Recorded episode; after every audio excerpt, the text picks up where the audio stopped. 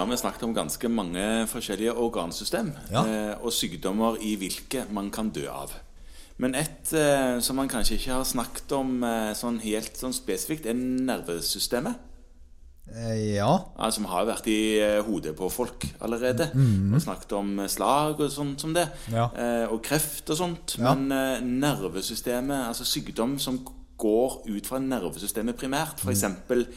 MS, Mm. ja. Alzheimers eller Parkinson, Parkinson, den typen ting. ALS. Ja, Disse sykdommene tar vel livet av noen.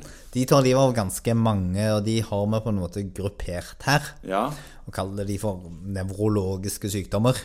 ja. Ja. Og i den statistikken så ligger de inne med 2227 dødsfall. Denne gruppen som eh, du nevnte. Ja. ja. Som er ganske mange. Ja, det er som Eh, Nå er det en heterogen gruppe.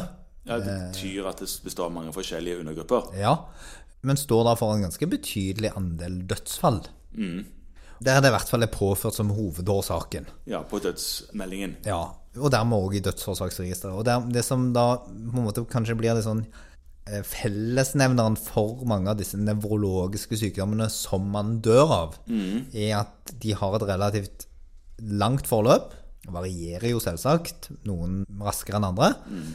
Og der behandlingen i stor grad er på en måte bremsende og modifiserende og symptomlindrende, og ikke så mye at du blir frisk. Nettopp. Eh, Men det er klart at mange av disse sykdommene har et langt forløp. altså sånn Parkinson 10-15 års forventet overlevelse i snitt. Sånn at det er en sykdommer som man kan leve godt med lenge, Ja, men som man på et tidspunkt ikke så en sjelden dør av.